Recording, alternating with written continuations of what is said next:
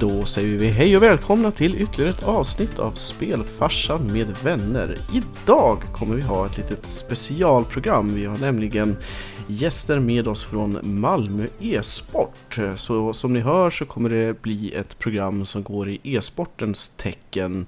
Vi kommer att vrida och vända på begreppet. Vi kommer att eh, dunka oss själva för pannan och undra hur kunde svenska eh, idrottsförbundet säga nej till det här som sport? Eller de har inte sagt nej, de har bordlagt det snarare mm. sagt. Och eh, Peter, hur kändes det när de bordlade det ända till 2019?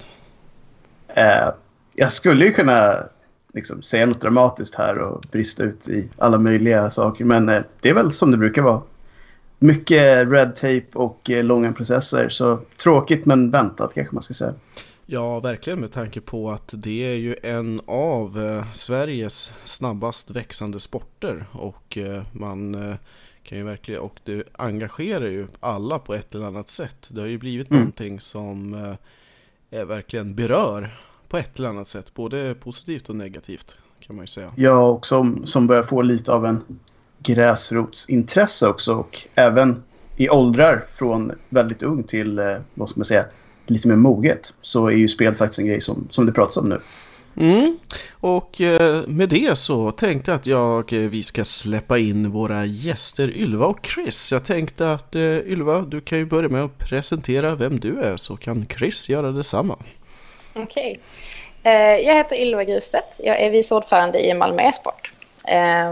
Jag jobbar till vardags som doktorand och skriver en avhandling om historia och datorspel och historiekultur kring spel och i-spel och historiebruk och sådär. Ehm, jag sysslar väldigt mycket med jämlikhetsfrågor i Malmö e-sport men är också med och startar upp ett jättestort Arvsfonden-projekt som vi precis ligger i startgrupperna för. Mm. Mm. Spännande. Och du Chris, vad har du för bakgrund till det här? Jag är, ja, vad ska man säga, spelnörd och eh, jag brukar kalla mig själv spelnörd och människorättskämpe. Eh, men eh, jag har en lång bakgrund av svenskt föreningsliv eh, och jag brinner för e-sport. Jag ehm, ville gå från att vara nationellt engagerad i spelhobbyn till att liksom driva en, en lokal e-sportsförening eh, på riktigt och prova att bygga eh, en gräsrotsrörelse. Mm. Och det är det jag har gjort de senaste åren. Spännande. Det, och då kommer vi ju ganska naturligt in på den eh, första brinnande frågan. Att hur gick det till? Hur kom föreningen till från start? Från start så var det så att vi, eh, vi funderade länge på hur man skulle kunna göra en, en e-sportförening eh, som var bred och där man liksom kunde lyckas organisera folk. Och i Malmö hade vi ett problem med att Malmös eh, bidragsregler var ganska komplicerade. Mm. Och det krävdes ganska stora föreningar och vi hade svårt att se hur vi skulle kunna göra det. Ja, okej. Okay, okay. Och sen kom vi på en eh, möjlighet där vi helt enkelt inte tittade på eh, liksom att organisera oss kring lag eller organisera oss kring liksom ett litet spel åt gången utan att försöka göra den här stora övergripande eh, när vi gick i de tankarna så gjorde Sver också med det Svenska Spelhobbyförbundet en förändring i sitt bidragssystem som gjorde att vi fick en reell möjlighet att också få in tillräckligt mycket pengar för att kunna eh, finansiera en sån verksamhet. Och då bildade vi föreningen två veckor senare och nu tre år senare så har vi en, eh, en stor lokal och en budget på flera miljoner och jobbar mycket, mycket mer än vad vi tänkte från början men har också lyckats mycket, mycket bra. Så det har verkligen blivit en överraskande bra effekt och liksom växt sen, sen ni startade då? Eller liksom, var det här någonting som ni på något sätt hoppades på men inte räknade med? Eller var det här någonting som ni på något sätt hade kanske kunnat planera att det skulle kunna ta fart på det sätt som det verkar ha gjort? Jag tror att, att när vi började i början så tänkte vi nog att så här, men det här kommer att växa fort för att det är många som spelar e-sport. Mm. Uh, men att vi tre år senare skulle sitta med Liksom, och att det skulle ha gått så snabbt som det har gjort framförallt i år. Eh, eller framförallt det senaste året. Mm. Eh, det tror jag inte vi var beredda på heller. Det var, men, och det var samma sak liksom, när vi satte oss förra sommaren, jag och Ylva, eller förra våren och började jobba med de här liksom, ansökan till det här stora projektbidraget. Mm. Eh, från en bidragsgivare som vanligtvis inte har pengar och allting. Vi jobbade också hela tiden utifrån olika problemställningar som handlade liksom om så här, saker som vi såg eller fortfarande ser i e-sporten som handlar om så här, eh, beteenden och attityder. Um, alltså jämlikhet mellan eh, kön, mellan social, socioekonomisk bakgrund och sådär mm. och representation i e-sporten. Den fanns ju i vår förening också. Så när vi började tänka på just de här frågorna så ville vi liksom på något sätt få, alltså så formades idéer utifrån hur vi föreställde oss att de här, att de här sakerna skulle liksom kunna arbetas med. Och då, mm. um, och då visade det sig att det, var, att det, ja, det, det, det föll i god jord. Liksom. Det gör det fortfarande oberoende av vem man pratar med. Just att hitta det här fysiska mötesplatser till exempel. Eh, som en grogrund för den här, det som ni kallar, eller det gör vi också i och för sig, gräsrotsrörelsen inom e-sporten. Mm. Eh, och ha det som utgångspunkt. Då. Och då eh, genererade det det här eh, som vi sitter med idag. Ja. ja. fascinerande story alltså. Verkligen, verkligen. Det, den är lite mer, ska vi kalla, eh, ska vi, seriös är väl kanske att ta i, men ja, jo, mer seriös än vad våran story är. Jag och Peter satt på en Kina-krog och sa att vi tycker om att prata spel jämt, så vi borde göra det så att fler får lyssna på det. Ja, precis.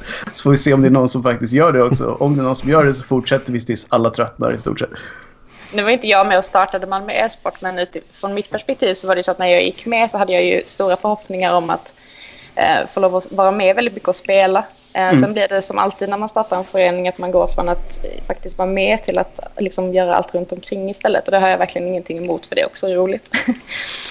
men det, ja.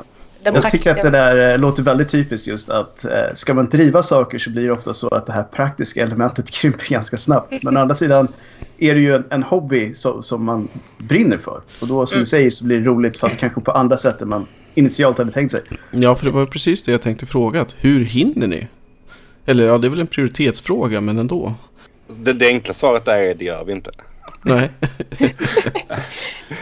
um, nej men alltså det, vi har, vi har byggt upp föreningen ganska smart, om jag får säga det själv. Nej men så här, vi har, vi har, byggt, upp, vi har byggt upp föreningen på ett sätt som, som gör att det finns olika lager i föreningen. Så mm. att om du brinner för just Counter-Strike, mm. då kan du engagera dig och jobba med bara Counter-Strike-frågor. Och om du brinner bara för Smash till exempel så kan du engagera dig kring Smash eller till att arrangera eventresor eller skapa event eller så här. Och sen så har vi liksom en, ett lager över det som är liksom om du vill jobba med e-sportfrågor politiskt, om du vill jobba med e-sportfrågor liksom att driva själva lokalen, göra allt administrativa och se till att liksom alla de som brinner för e-sport har någonstans att träffas. Mm. Mm. Och, och, där kan man ju vara aktiv, alltså både jag och Ylva är aktiva på liksom på bägge nivåerna i olika utsträckning. Mm. mm. Det som Alexander Hallberg sa till mig för en tid sedan som är ordförande i Sverok, förbundsordförande i Sverok, är att när, när man hamnar i den här situationen att det ideella tar väldigt mycket tid så får man lära sig att jobba smart istället. Och det jag tror jag vi är experter på vid det här laget. För att få timmarna att räcka till. Ja, alltså man, man, känner ju till det där fast på en helt annan nivå. Att försöka bolla att eh, ja, relativt nybliven eh, pappa och småbarn och jobb och alltihop. Och sen ska man ändå försöka ta i och få det man brinner för och det som man vill göra. Att ändå få kontinuiteten i det och få ja, rodda runt det och sådär. Så att eh, det brukar väl vara att det brukar stämma där att eh, finns viljan så går det på ett eller annat sätt. Men då kan man ju också då tänka sig att ni har en ganska så bred eh, målsättning ändå med den här föreningen i och med att ni säger att ni täcker i princip vem som som kommer med någonting som är relaterar till e-sport. Har det någon liksom fok, speciell fokus att det, ni ska nå ut till hela, säg Malmö eller hela Sverige eller att någon, fin, jag antar att ni har någon form av eh, roadmap eller så vad, vad ni vill komma med det så att säga. Jag tänker att roadmappen som vi har haft hela tiden från början är att Malmö e-sport jobbar med Malmö. Mm. Vi hjälper jättegärna Helsingborg att starta Helsingborg e-sport, Landskrona att starta Landskrona e-sport, Örebro att starta Örebro e-sport. Mm. Um, men liksom att Malmös fokus är Malmö e-sport. Och sen vill vi bygga upp ett, liksom, ett, ett distriktssamarbete, alltså ett, ett regionalt samarbete med, med våra syskon. Ett nationellt samarbete med våra syskon. Mm. Uh, men att liksom precis som att det finns fotbollsklubbar och, och hästklubbar och så här i varje stad så behöver vi också ha e-sportklubbar i varje stad på samma sätt. Ja, jag ska bara säga att det lokala är ju väldigt viktigt när det kommer till det här med mötesplatser och att faktiskt träffas, ha fysiska möten. För det är ju någonting som e-sporten inte direkt egentligen är känd för utan det handlar ju ofta om online-verksamhet. Och det, mm. om, jag, min, eller om jag förstår det rätt um, så har ju Malmö e-sport börjat så och sen successivt sökt sig till, till um, Alltså att man hade helt enkelt sin verksamhet helt och hållet online till en början. Det var mycket Teamspeak och så. Mm. Uh, och sen flyttat den successivt till mer och mer fysiska saker som LAN och sen i slutändan vår möteslokal.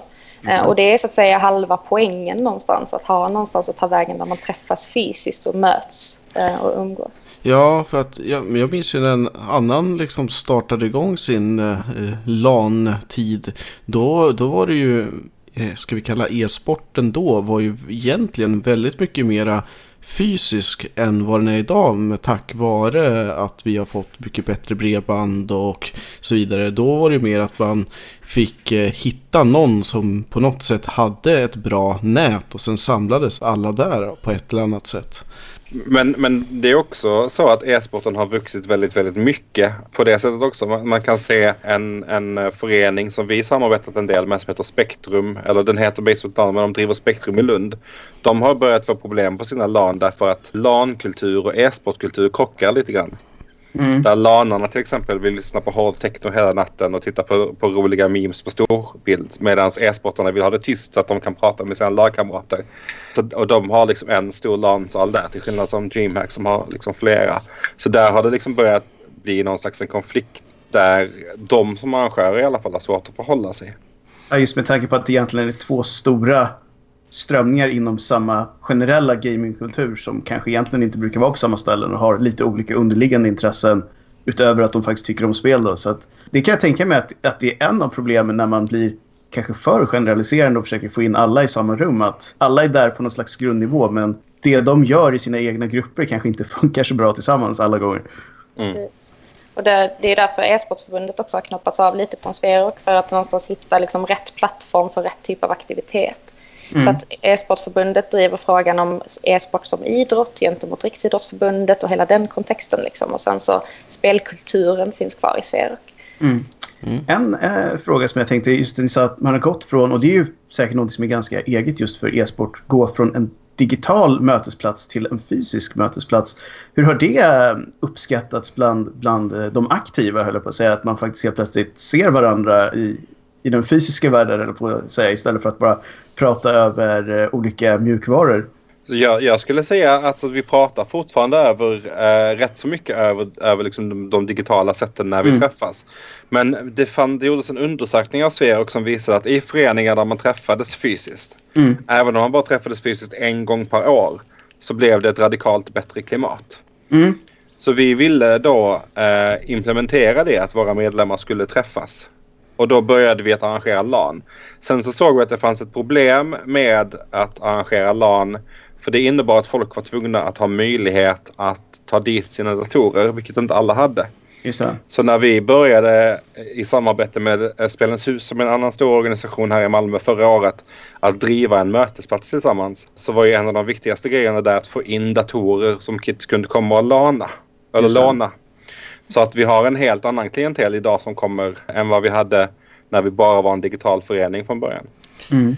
Och eh, hur, ehm, hur, vad märker ni för, för respons ifrån eh, föräldrarna då? För jag kan tänka mig att då, när ni ändå pratar om barn så eh, det finns det ju fortfarande ett ganska stort motstånd på någon nivå bland eh, föräldrar som tycker att barn borde göra någonting annat än till exempel ja, just e-sport då.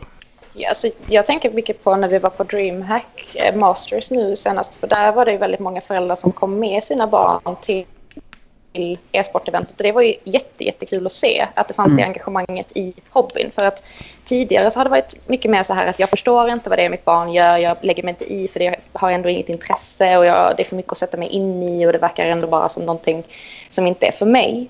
Mm. Så det verkar ändå som att det har skett en liten skiftning mot det här nyfikna, intresserade och det tycker vi förstås är jättekul för att vi behöver ju också föräldrarnas stöd i det här. Och väldigt många som kommer och pratar med oss är ju liksom intresserade mest av att försöka förstå sammanhanget och inte att hindra sina barn från att spela utan de vill att de ska spela på ett bra socialt och trevligt sätt och att undvika konflikter hemma. För det är också en sån sak. Som Ja, för jag tror att någonting som har hjälpt till att ändra, dels är det väl att vi får en lite generationsskifte, yngre Ja. föräldrar och så, men sen också att till exempel så har ju Kristiansson eller Hiton gjort ett ganska stort jobb att gå ut i media och säga att nej, men det är viktigt att barnen också tränar fysiskt. Eh, Våra spelare eller stjärnor, de har typ en ko- kostcoach och liksom tänker även på att röra sig och så vidare. Att försöka även få in den andra spektrumet om, nu pratar man ju liksom elitsatsning då kanske, men i alla fall att man har bäddat arenan lite grann av att här står någon i svensk media och ändå propagerar för att det finns, eh, det finns en annan sida av det också som kanske är lite mera lättsmält då för en ja, som inte är insatt alls till exempel. Ja, precis. Vi brukar köra på den här devisen att man måste vara stark för att orka sitta still. Försöker jobba lite med det också i föreningen, så här att uppmuntra kidsen till att röra på sig och ta pauser och gå upp och gå en liten sväng och sådär. Ehm, och jag menar, det ser man ju på resultaten också. Ehm, att de som håller på med de som är liksom lite mer fysiskt aktiva, det behöver inte vara extremt så som Hiton Nej. med liksom gymma varje dag och så, men bara lite grann gör att, att resultaten också blir bättre. Och det finns det dessutom forskning på från bland annat Tyskland, om jag minns Mm. rätt. Men jag tror att det är också ganska många vuxna som kan relatera till det, i alla fall vuxna som har kontorsjobb. För de flesta som har jobbat på kontor vet ju att tar man trappen eller tar en liten promenad på lunchen så är man ju bra mycket piggare än om man bara skulle ha suttit framför datorn en hel dag. Precis. Problemet jag tror, är, eller problemet som jag ser är att föräldrarna inte pratar med sina barn. Alla föräldrar idag som jobbar på kontor eller som liksom har haft ett kontorsliv har pratat med någon om ergonomi, har pratat med någon om arbetsmiljö, har pratat om så här. Men, men när vi träffar ungdomar och får prata med deras föräldrar så är det alltid samma saker som kommer upp och de har, liksom, det är väldigt sällan som de har de här konkreta, liksom, men hur ska mitt barn sitta? Är det här en bra stol för mina barn? Eh, man tjatar om att ungen inte ska sitta still istället för att säga men om du tränar så blir du bättre. Mm. Eh, alltså man, man kan ju worda det negativt och man kan worda det positivt. Om man Precis. tittar på idrottsläraren som gick förra året så kommer ju Hiton in och så gör de ju det med Counter-Strike-pojkarna som inte vill vara med på idrotten. Mm. Att Hiton förklarar att om ni tränar blir ni bättre. Och, Man gör en, en morot av det helt enkelt. precis. Och det är också samma sak som vi har pratat jättemycket med liksom, vi som arrangerar e-sportresorna till de olika lanen har ju pratat mycket med de som ska tävla om att de måste sova ordentligt. De måste så här på vad ni äter nu om ni ska sitta och köra långa matcher. Så att, så här. Och det är ju liksom någonting som saknas när den enda kontakten med de som är, är vuxna eller har erfarit nog att tänka på de här sakerna liksom, och ska prata med de här kidsen gör allting till en negativ grej och till en konflikt. Och det handlar också om att så här, man inte förstår hur e-sporten fungerar. Det är jättestor skillnad på om din unge sitter och spelar Skyrim eller om din unge sitter och spelar Dota. För Absolut. att Skyrim kan du pausa, du kan inte pausa en Dota-match. Nej, inte på ett bra sätt i alla fall. Nej, det brukar Men- bli så men, tråkig ehm, stämning. Ja, verkligen. Men jag tänkte just som du sa att det här är en, en levande fråga. Är det så att de här föräldrarna som nu faktiskt dyker upp på olika event med sina barn smyger in en liten fråga till er så här att hur, hur ska vi ta de här frågorna och vad, vad är bra svar? Alltså om de söker eran expertis inom området eller vad man ska säga. Är det någonting som ni stöter på? Absolut. Det händer med jämna mellanrum hela, på nästan alla event någon gång i alla fall. Um, och de vanligaste frågorna brukar ju vara det som Chris var inne lite på med eh, så här, eh, hur ska vi hantera den här liksom middagsfrågan om eh, barnet sitter och spelar eh, och inte vill komma och sätta sig vid bordet till exempel. Och så där. Så att, eh, och då brukar det vara ganska, på väldigt många av våra event så har vi lite så här prova på. Då kan det vara bra tillfälle till exempel att visa helt konkret att en Overwatch-match till exempel tar ungefär 10 minuter. Nu kan ni se här, nu börjar vi matchen och så kan ni kolla på klockan. Och så får de helt plötsligt en väldigt hands-on förståelse för hur spel, alltså vi pratar egentligen om speldesign någonstans. Eh, och inte bara spelkulturen runt omkring och beteendet och så, för det är också en, en fråga som kommer upp så här, vilket eh, om sättet min, min, mitt barn pratar eh, med sina kompisar i headsetet. Liksom sådär. Ja. Ehm, och många av dem tycker jag ändå brukar vara väldigt öppna för att diskutera med oss. Och det är ju delvis säkert för att vi också är vuxna, men också för att har så pass, vad ska man säga, eh, snälla argument. Ja, precis. Så jag kan tänka mig att det blir som ett jätteuppskattat liksom, gamingbollplank om man vill så. Att här har vi folk som du säger som är lite äldre som man faktiskt kan prata med så här, öga till öga. Men som också vet vad kidsen faktiskt håller på med till skillnad då från föräldrarna själva. Just det. Men, eh, Men- har ni någon som jobbar specifikt, eller några som jobbar specifikt med, ska vi kalla själva näthatbiten? För det är ju egentligen den frågan som jag fasar mest för när min son blir tillräckligt eh, gammal för att till exempel börja se, spela CS eller eh, LOL eller någonting liknande. Att mm, är man en ung person så är ju, kan ju klimatet vara ett väldigt hårt där ute. Vi jobbar med det hela tiden. Alltså, och vi var med när Sverok skrev Svensk e-sports Code of Conduct så var vi med i det arbetet. Mhm. Eh, och en av anledningarna till att de här föräldrarna kommer och vill prata med oss om de här sakerna är ju också för att vi är ganska effektiva på Hej du föräldrar, här är information. Har du frågor kan du prata om oss. Nästan alla föräldrar vi kommer i kontakt med, i alla fall alla som kommer och lämna barn på våra event eller som kommer till vår lokal, går därifrån med Svensk e-sports Code of Conduct, med e-sport för föräldrar och med Statens medieråds sju tips till föräldrar till spelande barn Mm. och en, en liksom medvetenhet om att vi, vi jobbar med de här frågorna och liksom vi tar det på allvar. Eh, Alla, alla unga som är hos oss har ju hela tiden någon i sin närhet som pratar, och alla vuxna också som kommer till oss har ju hela tiden någon i sin närhet som säger ifrån. Som säger tänk på uppförandekoden.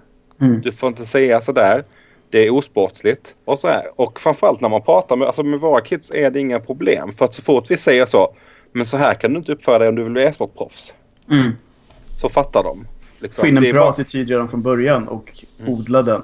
Och sen är det nog lite svårare också att säga taskiga saker till din kompis när hen sitter precis bredvid. Mhm. Precis, så där får man ju den här ytterligare positiva förstärkningen av att faktiskt ha sett personen. Så att Ja. det inte bara är ett namn bakom en skärm som man kan fräsa åt liksom via tangentbordet. Precis. Ja, nej, men det brukar ju vara det mest effektiva att eh, man får liksom en fysisk kontakt. Jag tänker på till exempel YNZ som eh, varit vart utsatt för en D-dos utav en, ja, en snorunge helt enkelt. Och det han gör det är att han resolut ringer upp eh, eh, pappan till det här barnet i livestreamen och liksom talar om att det här är olagligt, det här är inte bra och så vidare och så vidare. Och sen händer det ju aldrig igen. Nej. Så jag tror att det där är, det är viktigt med vuxna förebilder i, eh, även förstås i, i det här sammanhanget. Eh, men jag tänker på att när eh, barnen blir ju, när de blir lite äldre och när man kommer in på elitsatsningar så pratas det ju vitt och brett inom andra säga, mer dominanta sporter såsom fotboll och hockey och så vidare att man ska vara, förs- vara lite försiktig och man ska inte toppa laget och man ska inte göra ditten och datten och så vidare och så vidare. Hur ser ni på hur ska man forma elitsatsningar för att det ska bli bästa möjliga resultat nu när man har chansen med en ganska så ung och ny sport? Jag har, tänker att vi, eh, vi har inte det problemet för att vi är en ny sport. Vi har inte det problemet för att vi har inte liksom eh, sjuåringar, sen åttaåringar, sen nioåringar, sen tioåringar, sen elvaåringar i olika separata grupper. Utan vi jobbar mycket mer i vår förening med att liksom vill du göra någonting kul och vill du sätta ihop ett lag så gör det. Och så hjälper vi dig att forma det laget. Där tänker jag också att liksom problemet är lite att eh, för de andra idrotterna att de har en uppbyggnad som är väldigt mycket så här. Du går till en tränare som finns där som ska ta dig liksom vidare på en trappa. Mm. Och, eh, och ska hitta dem som ska väljas ut. Liksom. Och då börjar man väldigt, väldigt tidigt att så här. Och vi måste jobba lite mer med Charlie för att hen har potential. Liksom. Mm, mm, mm. Medan vi då jobbar på, på, liksom på samma budget för alla än så länge. Vi har inte de här stora pengarna som idrotten har.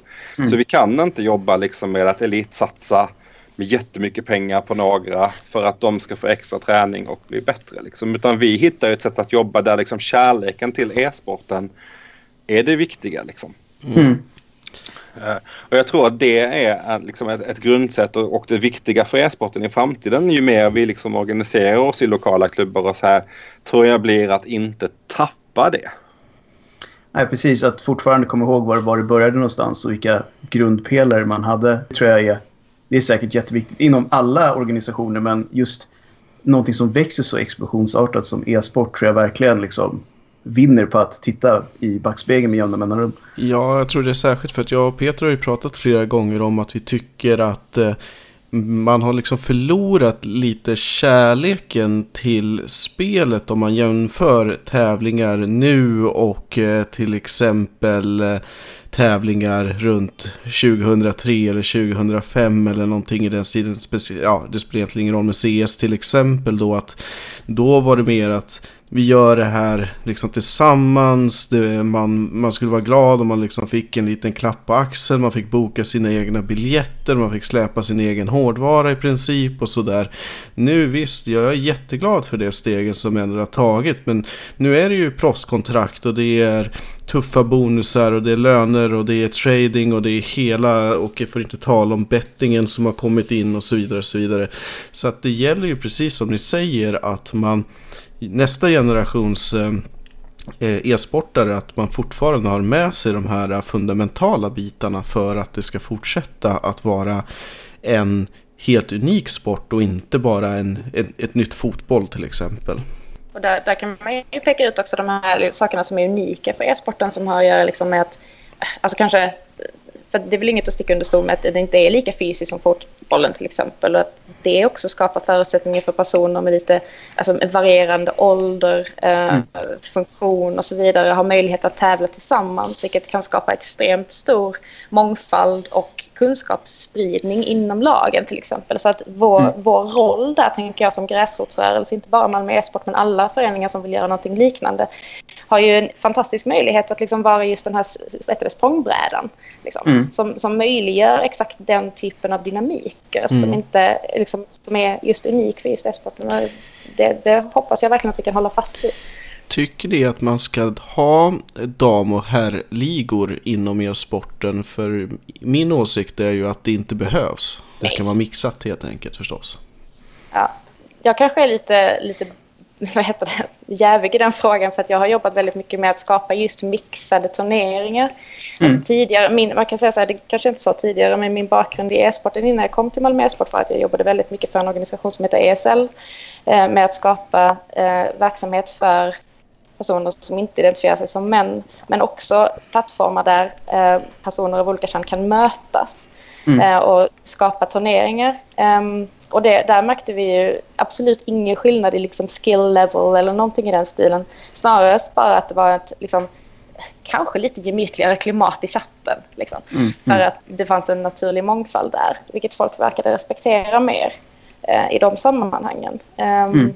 Och så, att, så att min erfarenhet är att det absolut inte behövs. Utan tvärtom att man ska uppmuntra till mångfald rakt igenom. Så hur kommer det sig? För att mig vetligen så finns det ju inga regler för att man inte får ha kvinnor med i ett e-sport, alltså ett mixat lag på så sätt. Det, det, är klart att det finns ett bra underlag av tjejer som absolut skulle kunna vara, som du säger, minst lika duktiga som herrarna. Är det det att det fortfarande är den här Eh, att det är svårt att eh, komma fram som kvinnlig e-sportare om man liksom vill spela med grabbarna? Eller är det någonting, vad är det som saknas så att säga för att det ska hända? Um, jag skulle säga att det har varit lite, lite från olika håll hela tiden. Alltså dels finns det den här, vad ska vi säga, strukturella, breda samhälleliga bilden av vad spel är. Och då är, det, då är vi tillbaka lite i det här också, så här, är alla spel samma typ av spel? spel för mig så är inte spel spel spel, utan det beror på vilket spel vi pratar om. Just det. Men, um, att, att det är någonting som, som grabbar håller på med. Och, så där. och det är väl kanske någon sorts 80 eller 90-talskonstruktion, vad vet jag. Mm. Men eh, så dels är det det, och det skapar så att säga en... Alltså, det handlar helt enkelt om könsroller, så, om vi pratar kön. Mm. Eh, och sen så kommer det samtidigt, eller har åtminstone gjort tidigare, från de stora internationella e-sportförbunden där man har delat upp det. Eh, I Korea till exempel och i ESF och sådär så har man historiskt åtminstone sagt att eh, killar och tjejer i det här fallet um, inte ska tävla tillsammans. Mm. Eh, och det har också fått ganska stort genomslag i vissa turneringar och det har fått skapat väldigt mycket debatt. Och nu har man lite grann släppt det så jag tror inte att det är så längre liksom i deras stadgar eller så. Men när det kommer sådana mandat eller vad man ska säga uppifrån samtidigt som vi har en problematisk eh, könsrollsfördelning underifrån, om ni förstår vad jag menar. Mm, så blir det så, dubbel effekt blir, nästan. Ja, precis. För att, då försöker man få det faller in i den här ganska små vitmansram. Liksom. Mm, mm, mm. Men eh, det här känns ju som någonting som egentligen borde successivt bli bättre ju mer att liksom, samhället i stort arbetar med jämställdhet. Problemet här är att e-sporten jobbar för att bli en etablerad idrott. Mm. Och i kärleken för att bli en etablerad idrott och i den kampen så försöker man efterlikna etablerad idrott. Det var det som hände när internationella e-sportförbundet gick ut och sa i världscupen nu kommer vi ha Hearthstone för herrar och Hearthstone för damer. Så de har tittat på hur andra har gjort och försöker liksom emulera det istället för att kanske mm. hitta sin egen lösning. Istället för att titta på de fysiska sporter där det faktiskt är eh, könsneutral tävlan. Mm, mm. Um, och, och det, blir liksom, det blir problematiskt också för att vi eftersom vi inte har några mellannivåer så finns det ingenstans att bevisa sig på. Det Stäm. finns ingenstans att klättra upp och göra det här utan antingen så är det som Scarlett liksom eller som de här andra personerna förlåt, kvinnorna och männen och äh, äh, som liksom har kommit upp på en proffsnivå och mm. hamnat i ett lag där. Äh, eller som är proffsen Scarlett är, har, ändå varit i alla fall ansedd att vara den bästa surgspelaren i världen. Mm. Um, men då, då har vi ju liksom, problem, när problemet är om vi tittar på CS till exempel, är så här. Är du en up and coming duktig tjej så blir du värvad till en tjejliga. Mm. Så redan för där så liksom det, där har man delat upp pengar som vill betala för en kvinnoliga. Liksom. Just det. Just det. Um, och då har vi ett problem också när, liksom, när företagen går in och väljer att, att, att sponsra det så. Så, mm. så får vi ju liksom en problematik också. Så det blir ju ett förevigande av de strukturerna.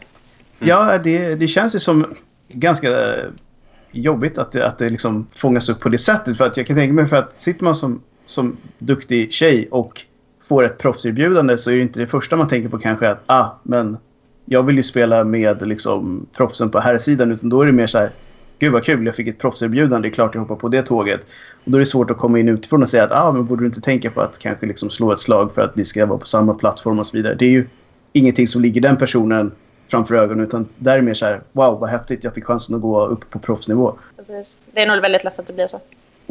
Och där, om, där, om vi tittar också på de eh, idrott, alltså de e-sportsgrenarna där vi har framstående kvinnor så är det singelspelare. Singelspelen. Mm. Och när vi pratar om lag, lagspelen så tror jag att det handlar väldigt mycket om att så här, ja men jag känner en bra spelare som jag kan ta med eller så här, har ni provat den här? Och att liksom folk tipsar fortfarande om de människor de känner och de liksom mm. och de, så att det, det är lite så. Man tittar på hur många e-sportlag känner vi till som har eh, kvinnor med sig i sin proffs-roster. Liksom. Mm. Jag känner till en kvinna i ett League of Legends-lag.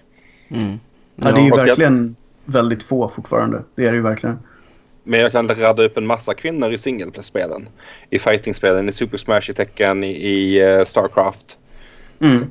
Men det, det är kanske just det då att som man kör singelspel så kan man kanske då enklare forcera fram just med tanke på att man bara behöver tänka på sig själv och sin egen färdighet inom just det spelet. Att det är så här, här är jag och jag är duktig på Street Fighter. Och jag behöver inte tänka på att det är med fyra, fem andra och massa konstiga konstellationer och olika sociala regler och sånt där. Utan man kan fokusera mer på sig själv och då kanske det blir enklare. Mm.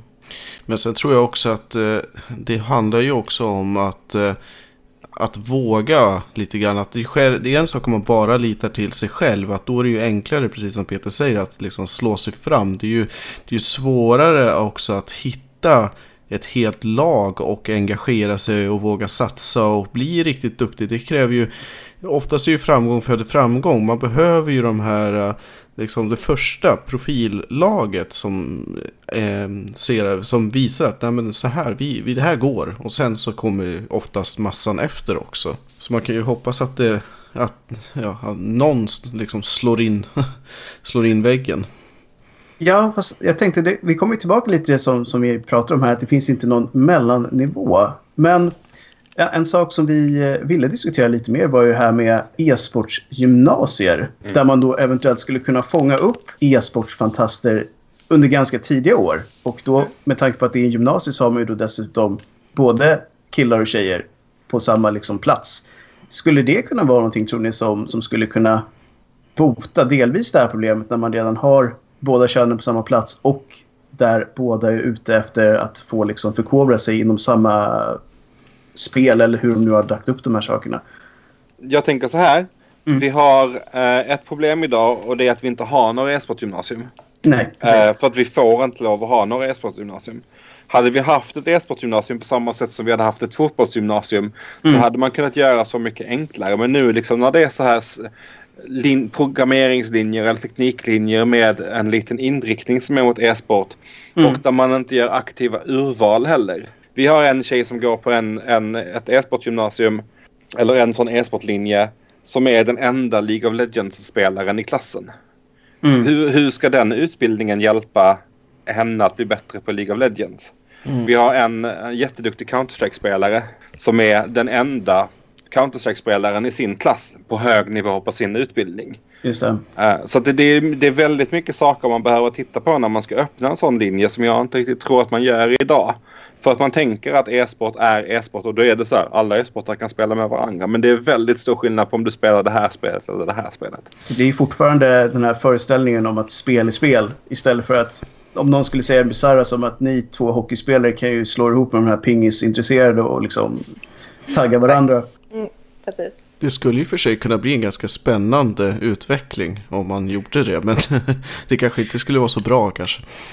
Nej, det känns ju oseriöst när man tar, tar upp det på en nivå och lägger in andra sporter i det fatet. Då inser man ju på en gång hur bisarrt det är. Men just eftersom det är spel så, ja, vad fasen. Spel är väl spel, man sitter framför en skärm liksom. Ja, kunde NIP vinna eh, CPL höll jag på att säga. Men Quake-spelare så ska jag väl kunna lösa det. Ja, det, Det man, hade kunnat göra, det man hade kunnat göra är att försöka fokusera på saker som de här har gemensamt. Mm. Eh, där tror jag finns en, en viss potential eller en sådan aspekt som jag tänker att man gärna får bära med sig in i det här arbetet med att skapa riktiga e-sportgymnasium. Och det är ju saker som har med till exempel ergonomi och fysik och spelanalys, ehm, teamwork, eh, sömn och kost och sånt eh, att Mm, göra. mm. Men eh, man måste nog också bära med sig förståelsen för att det finns olika typer av spel. Ja, så tycker jag också att man skulle kunna vinkla det till också att man skulle kunna ha lite mer e-sport business eh, utbildning. Att eh, det är ju fortfarande en försvinnande liten procent som verkligen blir topp eller elitsatsning. Och eh, det finns ju så mycket mer man kan göra idag runt e-sporten för att eh, alltså göra sig en karriär. Det kan ju vara allt från att man jobbar med streaming eller sponsorer eller ja, så att eh, det, man skulle ju också kunna bädda för att eh, om man ändå får ut större massa inom hela samma fenomen om man säger. Det har vi sett eh, något, några initiativ som, som är ute efter just den här eventbiten eller arrangörskapsbiten eh, ehm, med fokus på e-sport. Men så vitt jag vet är det ingenting som har kommit igång än utan det är bara som jag har hört. Små embryon där ute Ja. någonstans. Dä- Däremot så har, så har ju vi mycket kontakt med eh, folk som pluggar på överallt i Sverige. Där man säger hej jag pluggar sports, sportsvetenskap eller jag pluggar en eh, universitetslinje med eh, som handlar om idrottsmanagement eller eventskapande och så Mm. här. Där man då kontaktar oss för att få praktikplats, för att få respondenter till eh, sina studier. Vi har kontakt med Sveriges första e-sportmedicinska centrum. Alltså bara att vi liksom har, har, har, funnits så länge och, och slagit på trumman så mycket liksom att, Mm. att folk känner till Malmö e-sport eh, gör att vi får kontakt med massa människor som, som eh, precis som, som vi är e-sportare men som pluggar till någonting och tar med sig sitt e-sportande in i det. Det är en jättestor skillnad som jag tror är eh, och också kommer att bli mycket mer in i framtiden. Att ju fler av våra kids som växer upp kommer också att söka sig till sin framtid men också ha med sig e-sporten när de gör det. Mm. Så att det är mer ett sätt att försöka inkludera sin hobby i sin vardag på något sätt och försöka se hur kan jag göra det här? Och kanske då inte enbart på de klassiska sätten utan mer att hitta andra vägar att, att förena hobby och eh, vardagsliv och arbete kanske då. Det blir ju en ganska naturlig utveckling. Nu är det inte 50% av befolkningen som e-sportar men 50% av befolkningen spelar någonting nästan varje dag. I alla Mm, fall i mm. Sverige. Det, det, skulle ju, det finns en naturlighet i det, tänker jag. Att man lyfter in spelet i yrkeslivet eller i sin hobby eller i vad det nu kan vara. Mm. Men när man tittar på de eh, stora liksom, tävlingar eller evenemang som ni är ute på. Eh, märker ni, eller det är klart ni gör, men att eh, kvaliteten blir bättre och bättre för varje event som görs? Eller har man liksom landat på en nivå där man har liksom planat ut lite grann? Tänker du på liksom rent liksom, arrangörsmässigt? Ja, precis. Jag tänker till exempel som senast ut på DreamHack Masters. Där, då tänker jag på helheten med allt från kommentatorer till eh, tekniklösningar och så vidare och så vidare. Det är ju en väldigt rolig fråga när man har DreamHack Masters eh, i Malmö. Och, men vi också jobbar så mycket med att resa till eh, både DreamHack eh, i Jönköping men också till andra små LAN och där vi stöter på en ganska stor bredd. Där Mm. man har DreamHack som ligger i bräschen och som är bäst i världen på att liksom göra e-sportproduktion. Eh, där man har en så här, eh, fruktansvärt hög nivå. Och sen så ser man hur, hur de mindre eventen lär sig mer och mer. Mm. Men, det, och där ska, men där är det ju samma som det alltid har varit inom spelhobbyn. Liksom att det är kids som vill göra LAN-event som gör LAN-eventen. Det enda är att, eh, och sen så bör, växer de upp liksom och ju mer de växer upp och ju mer erfarenhet de har för att göra det desto bättre blir det. Och lite på samma sätt nu också med e-sporten att de arrangörerna som går in och gör det blir bättre och bättre därför att man lär sig sina misstag. Mm. Men någon sån generell så statushöjning av hur produktionsnivån i Sverige ligger är svår att se liksom för att vi har redan den högsta nivån nästan. Mm. Jag tycker att det är en viss skillnad eh, som jag tycker mellan till exempel så när man hade Sommersplit eh, tävlingen i Stockholm i League mot till exempel DreamHack Masters i CSGO. Att där i, eh, eh, i LOL-eventet så tycker jag att man hade en bättre närvaro med eh, eh, publiken på så sätt att man hade någon som var mer ute på scenen och drog igång publiken. Man hade lite vettigare till exempel mellanaktiviteter än att visa någon flamsig video när Sminks sitter och spelar plockepinn till exempel. Och även det som jag saknar generellt sett det är ju analysen på Alltså i andra sporter så hade det ju varit mer naturligt att visst att man tar upp eh, och ställer några frågor men det hade varit intressant till exempel inför matchen att man plockar upp respektive coach och pratar lite om vad tror de nu inför matchen, hur har grabbarna liksom, eh, preppat och liksom lite av den här mera kontakter. Jag tycker att fortfarande att det känns som att man producerar väldigt mycket för streamen mer än för folk som är på plats. Det tycker jag är en jätteintressant analys och där, där finns det ju jättemycket utrymme just att lyfta in de här personerna som, som till exempel vill jobba med det här att utveckla hela tiden, alltså så att inte e-sporten stagnerar. Mm. Eh, För jag tänker att det är nog liksom igen lite, ganska naturligt att man gör så eftersom du har de där 30 miljoner tittarna på streamen och så har du i bästa fall 7 500 i lokalen. Ja, jo, precis. Precis. Så att någonstans så blir det ju naturligt att man fokuserar på det. ehm, och det, ja, det, det är väl inget fel i det utan då är det väl snarare intressant så här, hur kan man göra det så att det blir intressant för båda så att säga. Ja, precis. För jag tror att också att det är visst att det är 30 miljoner på streamen, men det är de 7000 i arenan som får den breda uppmärksamheten, till exempel i nationella nyheter eller någonting i den stilen. För att fortfarande är det sensationellt om man fyller Globen med es för ett e-sportsevent. Absolut. Nej, det var väl lite det som vi tänkte på just eh, vid DreamHacks. Att det var ju en fantastisk publik. Och en av riskerna man gör om man fokuserar på streamen som har miljontals tittare är att man då kanske tappar långsamt publikens inställning till eventen. Att man sitter och skriker sig hes och så inser man att man får inte så mycket liksom, eh, uppmärksamhet av själva arrangemanget ändå. Och det skulle ju vara ett dråpslag tror jag för den stora massan om det är så att det blir sämre stämningar på eventen. För det är ändå det man, det är ju liksom ögongodis för, för de som tittar tror jag, många gånger.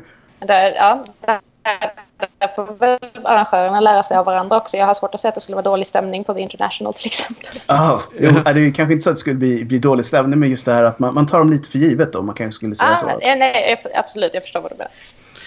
Jag tänker nog också att man tänker att när det är så långa matcher som det är i, i Counter-Strike eh, i alla fall.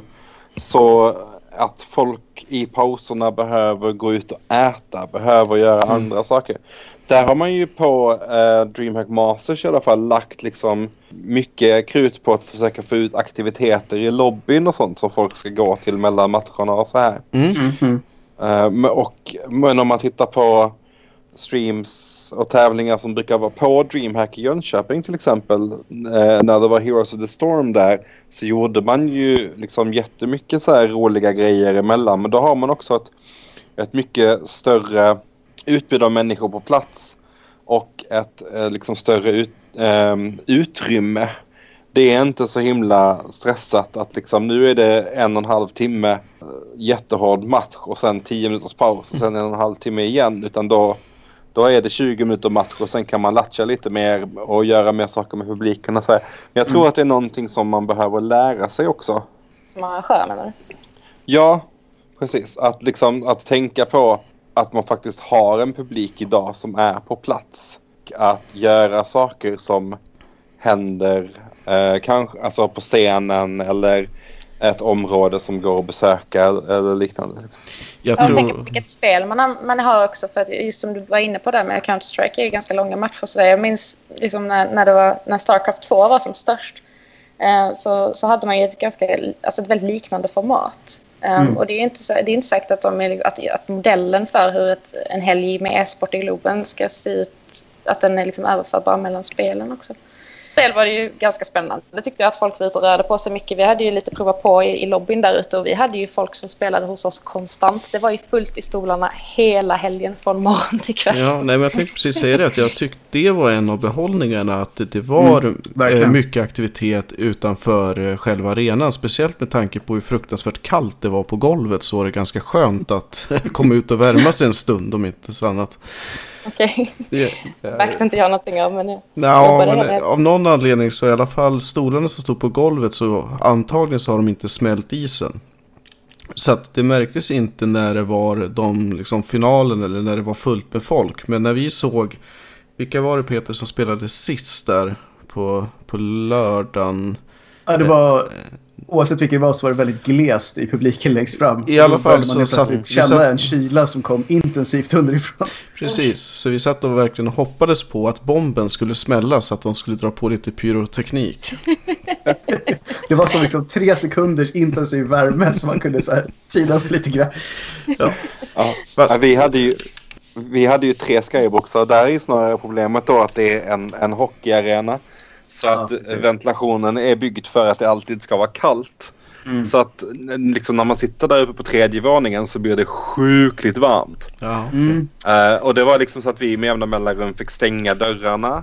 ehm, för att aircondition-enheten skulle kyla ner rummet. Liksom, för att airconditionen i arenan orkade inte riktigt dra Nej, hela precis. värmen. Liksom. Så det hade det omvända scenariot där uppe med, mot det vi hade där nere. Och där sätter vi punkt för del 1 utav vårt specialavsnitt om e-sport och föreningar. På återhörande, tack och hej!